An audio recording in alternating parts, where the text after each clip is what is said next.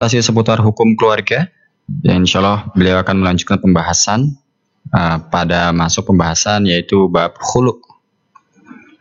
Bagi sobat muslim yang memiliki pertanyaan seputar pembahasan pada kesempatan malam hari ini atau seputar permasalahan uh, hukum keluarga, sobat muslim bisa mengirimkan pertanyaan melalui SMS atau WhatsApp ke nomor 0823 2727 5333.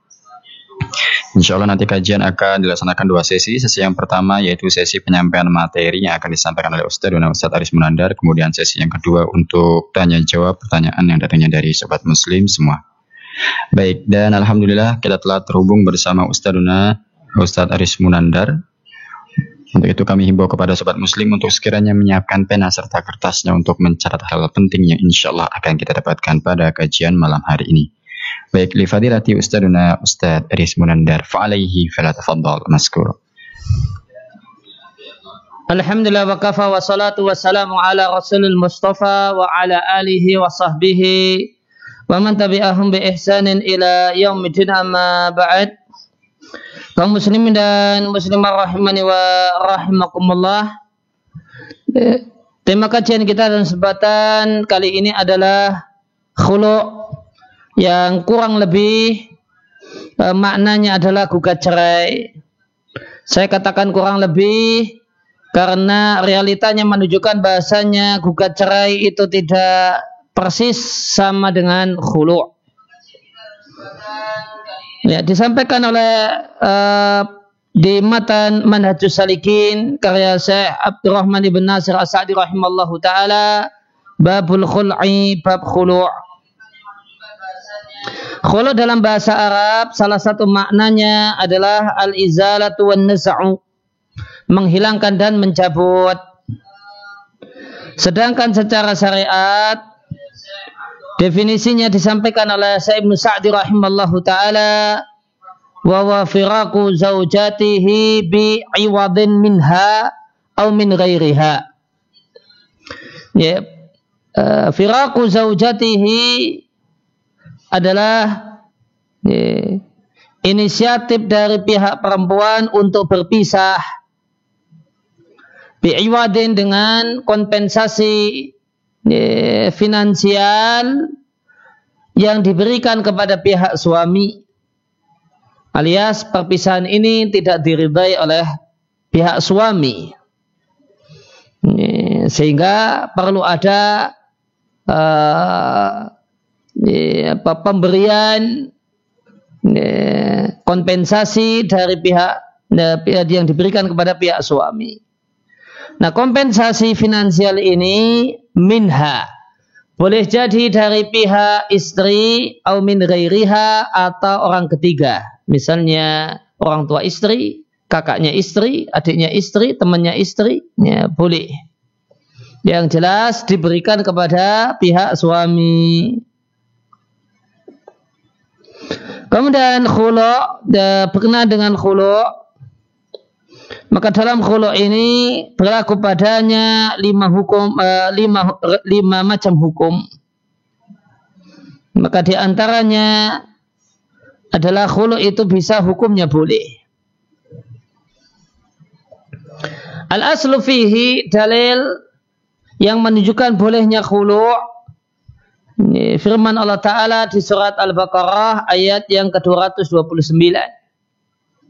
Allah Ta'ala berfirman, فَإِنْ خِفْتُمْ أَلَّا يُكِيمَا هُدُودَ اللَّهِ Jika kalian khawatir tidak bisa menegakkan aturan-aturan Allah, fala junaha alaihima maka tidak ada dosa atas keduanya fi maftadat bihi dalam tebusan yang diberikan oleh pihak perempuan. Ya. Dan satu uh, satu asumsi yang perlu diluruskan bahasanya semata-mata istri minta cerai itu belum tentu khulu. Ilustrasinya sebagai berikut. Ada seorang istri berkata kepada suaminya, ceraikan aku Kemudian suaminya mengatakan, ya kalau demikian maumu, maka aku ikrarkan, ku ceraikan dirimu. Nah, Maka ilustrasi ini statusnya uh, hukum yang terjadi atau bubarnya rumah tangga yang terjadi status hukumnya namanya tolak dan bukan khul'un. Ya, meskipun ada uh, permintaan cerai dari pihak istri. Maka ada permintaan cerai dari pihak istri statusnya talak dan bukan khulu'. Kalau yang khulu gimana? Ilustrasi yang kedua. Ya, kalau khulu ilustrasi yang kedua, seorang istri berkata kepada suaminya, ceraikan aku. Suaminya mengatakan, saya tidak mau. Saya masih cinta, saya masih sayang. Saya tidak akan pernah rela melepasmu. Kemudian istrinya mengatakan, jangan siksa aku dengan tetap bersamamu. Aku sudah muak hidup bersamamu. Aku tidak tahan hidup bersamamu. Maka tolong ceraikan aku. Kamu minta berapa? Saya kasih. Saya bayar. Tapi tolong ceraikan aku. Nah, lantas pihak suami mengatakan, Ya kalau demikian dengan terpaksa, dengan berat hati saya terima. Kalau ada kompensasi finansial yang kau berikan kepada aku dengan berat hati aku terima. Asalnya aku tidak mau menceraikanmu. Ya, maka ya, suami kemudian dengan berat hati menceraikan istrinya, menjatuhkan ku ceraikan dirimu gitu. Nah ilustrasi yang kedua itu namanya khulu. Jadi uh, syarat uh, di antara syarat mendasar untuk disebut khulu harus ada iwat. Harus ada kompensasi ye, kompensasi harta, kompensasi berupa harta yang diberikan kepada pihak suami. Ya, tadi maka khulu kita bahas poin yang pertama khulu yang boleh. Allah ceritakan di surat Al-Baqarah 229. Maka Allah bolehkan dalam Al-Baqarah 229 bagi eh, istri untuk menyerahkan harta kepada suami supaya dia bisa lepas dari suaminya. Nah, kalau khulu itu harus melibatkan pengadilan ataukah tidak? Biiznil qadi wa min ghairi iznihi baik dengan melibatkan pengadilan ataupun tidak melibatkan pengadilan. Maka ada khulu agama. Ada khulu agama. Li umumil ayati karena ayat di surat Al-Baqarah 229 bersifat umum. Ya, yaitu jika istri khawatir tidak bisa melaksanakan kewajibannya Allah bebankan kepadanya berupa hak-hak suami, maka tidak mengapa alias boleh khulu. Mafhum khulafah dari ayat ini, jika tidak ada alasan demikian, maka khulu itu satu hal yang nilainya dosa. Dalil yang lainnya, bolehnya khulu adalah surat An-Nisa ayat 19 wala ta'duluhunna litadhabu bi ba'di ma ataitumuhunna illa ayatina bi fahishatin mubayyinah. Janganlah kalian ya, susahkan, janganlah kalian suami susahkan istri supaya kalian bisa membawa pergi sebagian harta yang pernah kalian berikan kepada istri. Ini tidak boleh kecuali jika istri melakukan bifahisyatin mubayyina perbuatan keji yang nyata semisal zina.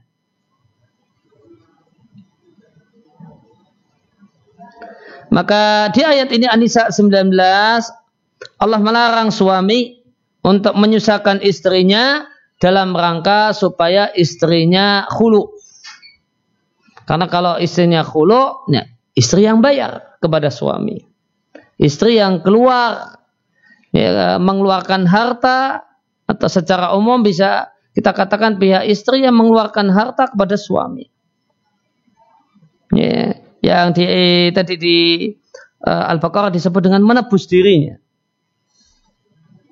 Nah, kecuali dalam satu keadaan yaitu ketika maka boleh menyusahkan istri supaya dia yang khulu dan bukan pihak suami yang menjatuhkan talak yaitu ketika istri melakukan perbuatan keji yang nyata semisal terbukti mengaku berzina namun suami tidak punya uh, bukti yang lengkap empat orang saksi misalnya.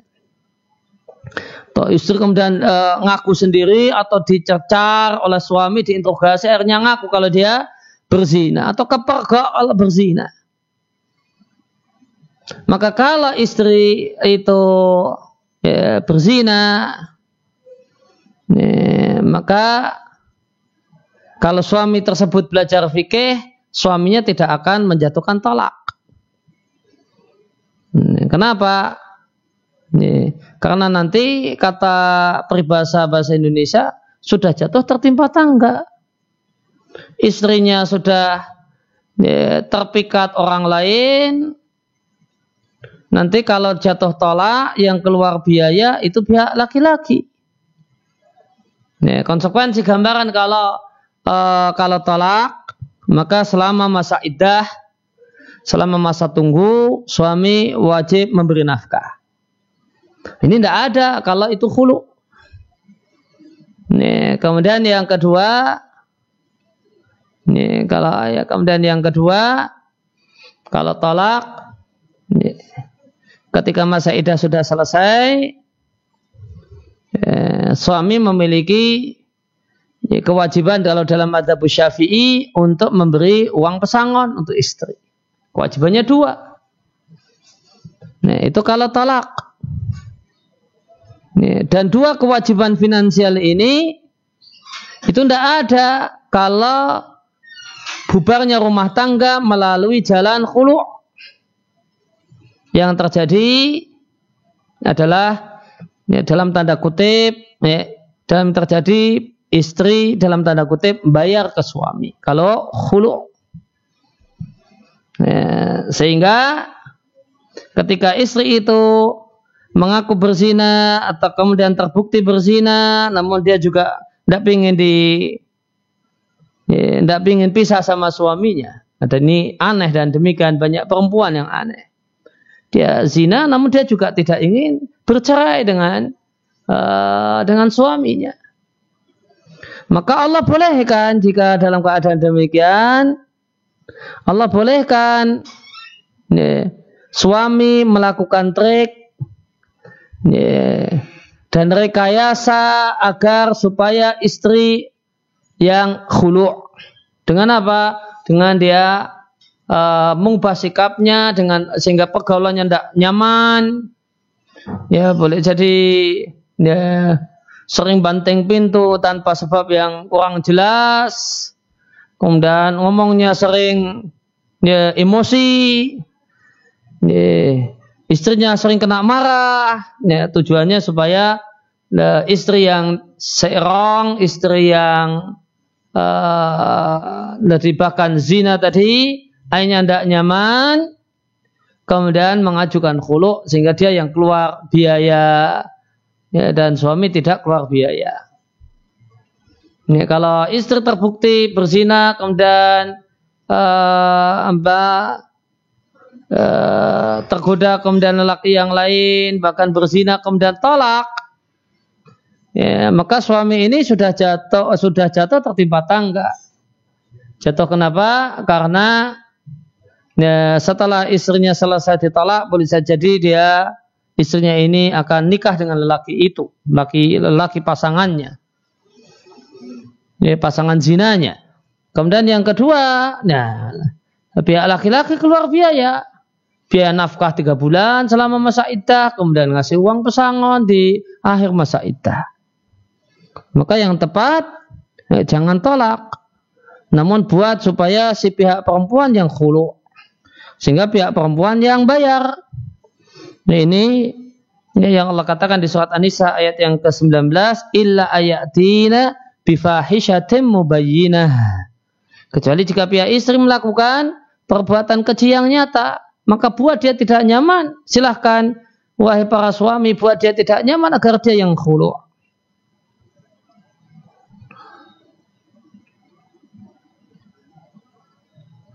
Kemudian dalil di antara dasar disyaratkannya khulu adalah dari Ibnu Abbas radhiallahu anhu beliau mengatakan istri dari Thabit ibn Qais ibn Syammas radhiallahu anhu menemui Nabi sallallahu alaihi wasallam. Kemudian wanita ini mengatakan ya Rasulullah ma'anqimu ala thabitin fi dinin wala khuluqin. Wahai Rasulullah aku tidaklah mencela Thabit baik dari aspek agamanya, ibadahnya wala khuluqin ataupun akhlak perilakunya, adabnya, sopan santunnya, kasih sayangnya dengan istri. Ini, maka dua-duanya tidak ada cacat. Ibadahnya ini bagus, sholatnya beres, ini, sholat malamnya bagus, ini, puasa sunnahnya lancar, akhlak dan dari sisi akhlak dia seorang lelaki yang lembut, seorang lelaki yang care, yang peduli dengan istri, suka bantu istri, suka memanjakan istri, namun ternyata istri Sabit bin Qais ini tidak bisa jatuh cinta sama suaminya. Bayangkan. Ada seorang lelaki yang tidak punya kekurangan dari sisi ini, ibadah dan tidak ada kekurangan dari sisi akhlak. Ini sosok laki-laki yang sempurna. Normalnya kan kita katakan ini sosok suami yang sempurna. Ini, isinya tidak punya alasan untuk mencela sisi ibadahnya atau sisi agamanya. Namun illa anni akhaful kufra, namun aku khawatir ya, menutupi kebaikan suami, tidak bisa melayani suami dengan baik. Kenapa? Karena tidak bisa jatuh cinta pada suaminya. Kenapa? Karena ya, menurut uh, istrinya Sabit bin Qais, Sabit bin Qais itu lelaki jelek mukanya. Nah, dia seorang pendek, hitam, nah, mukanya jelek. Nah, ada lengkap itu. Ya. Hitam, pendek, mukanya jelek. Dia sudah berupaya untuk berdamai dengan hatinya supaya bisa jatuh cinta dengan Sabit bin Qais, namun ternyata ya cinta tidak bisa direkayasa. Ya. Ketika hati tidak bertaut, ya sudah tidak bertaut. Hati tidak bisa klik, ya tidak bisa klik. Ya, maka Rasulullah Sallallahu Alaihi Wasallam menyampaikan kepada uh, istri Thabit bin Qais ibn Syamas, engkau mau kembalikan kebun kurma yang jadi yang dulu jadi mahar pernikahanmu, nah, dulu Ya, maka kita jumpai juga ada sahabat yang mahar pernikahannya nilainya tinggi, hmm, yaitu ya, satu bidang kebun kurma. Fakalat maka isinya sahabat mengatakan naam saya mau.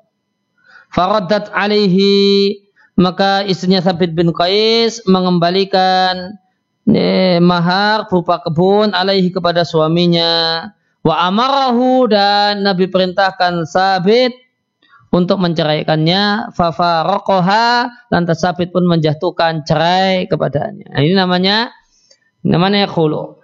Khulu itu tetap ada kalimat dari suami kuceraikan dirimu. Namun kalimat kuceraikan dirimu ini berbayar karena dia tidak eh, rela sepenuh hati untuk uh, ya, bubarnya pernikahan ini. Nah, adanya pembayaran atau kompensasi inilah ciri khas iwat. Sehingga uh, ciri khas khulu. Sehingga khulu itu disebut juga at-talaqu bil iwat. Ya, talak namun dengan pembayaran. Dan para ulama sepakat disyariatkannya yaitu dibolehkannya khulu ya secara global demikian disepakati.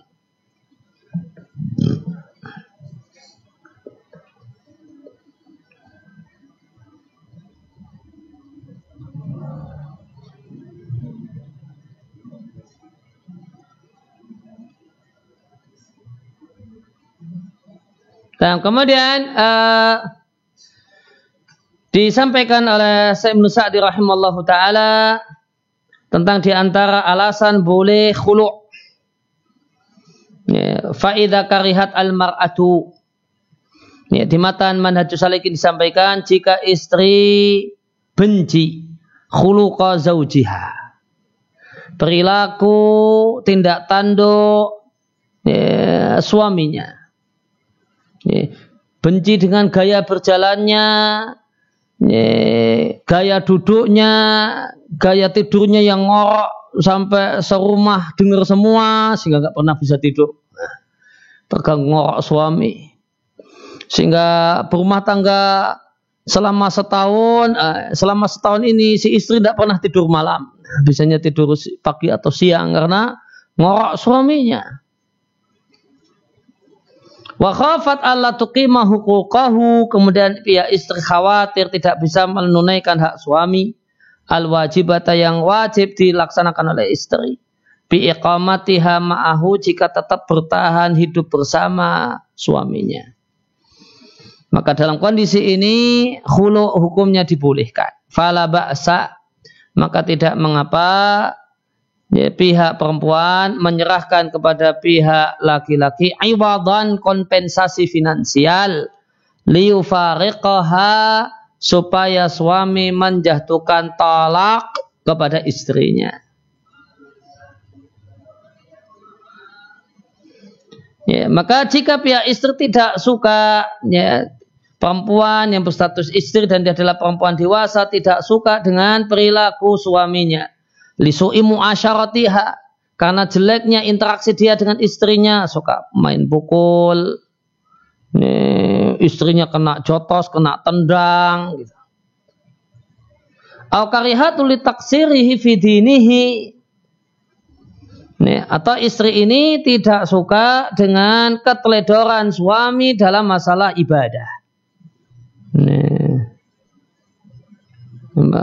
Sulit dibangunkan subuh, jika tidak dibangunkan